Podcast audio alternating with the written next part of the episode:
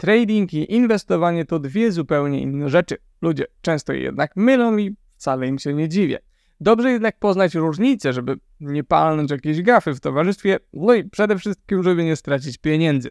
Jest to na tyle ważne, że Benjamin Graham zajął się tym tematem na samym początku swojej legendarnej książki Inteligentny Inwestor. Pisze on: Operacja inwestycyjna to taka, która dzięki starannej analizie obiecuje bezpieczeństwo oraz zadowalającą rentowność zaangażowanej kwoty.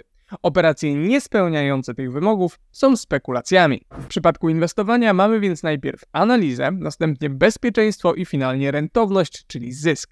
Inwestor jest osobą, która lokuje swoje środki w aktywa, które długoterminowo mają zyskiwać na wartości. Spekulacje czy trading polegają na częstym kupowaniu i sprzedawaniu aktywów finansowych, tak aby zarobić pieniądze krótkoterminowo. To z tego powodu mogliście słyszeć o jakichś traderach, którzy w krótkim czasie zarobili dużo pieniędzy.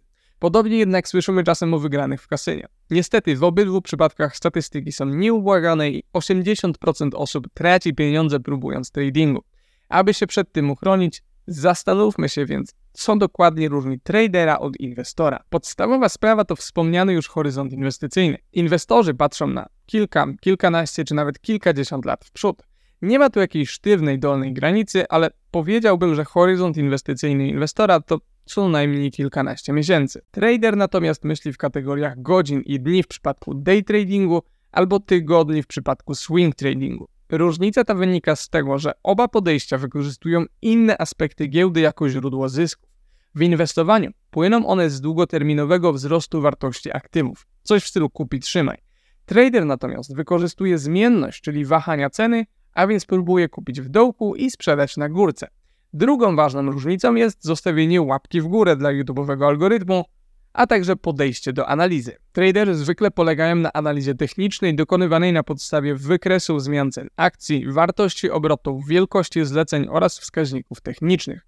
W praktyce najczęściej sprowadza się to do wielogodzinnego patrzenia na wykresy na kilku monitorach. Traderzy wspierają się przy tym różnymi narzędziami, jak linie wsparcia, linie oporu, średnie kroczące oraz oczywiście formacje jak flaga, trójkąt, głowa i ramiona. To tylko kilka popularnych formacji wykorzystywanych do podejmowania decyzji o tym, w co ulokować swoje środki.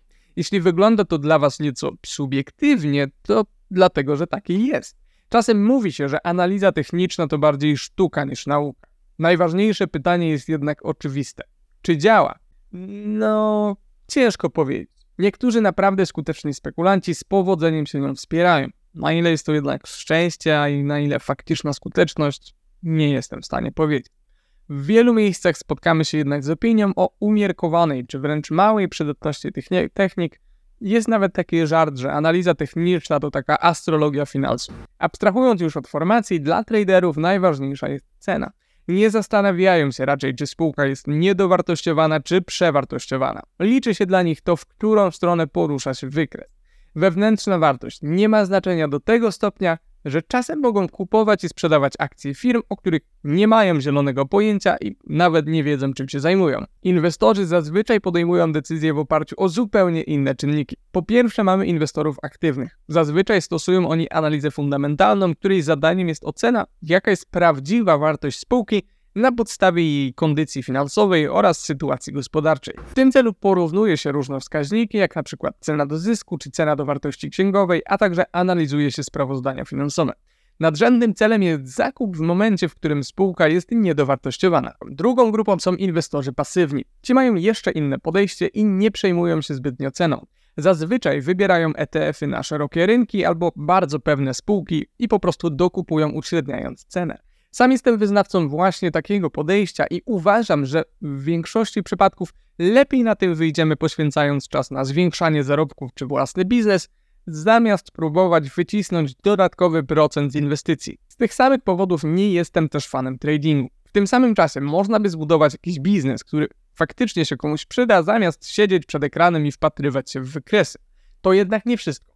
Trading najzwyczajniej w świecie nie działa dla większości osób. Zastanówcie się, Chcecie grać w grę o sumie zerowej i konkurować z wielkimi instytucjami finansowymi zatrudniającymi masę zawodowców i dysponujących skomplikowanymi algorytmami.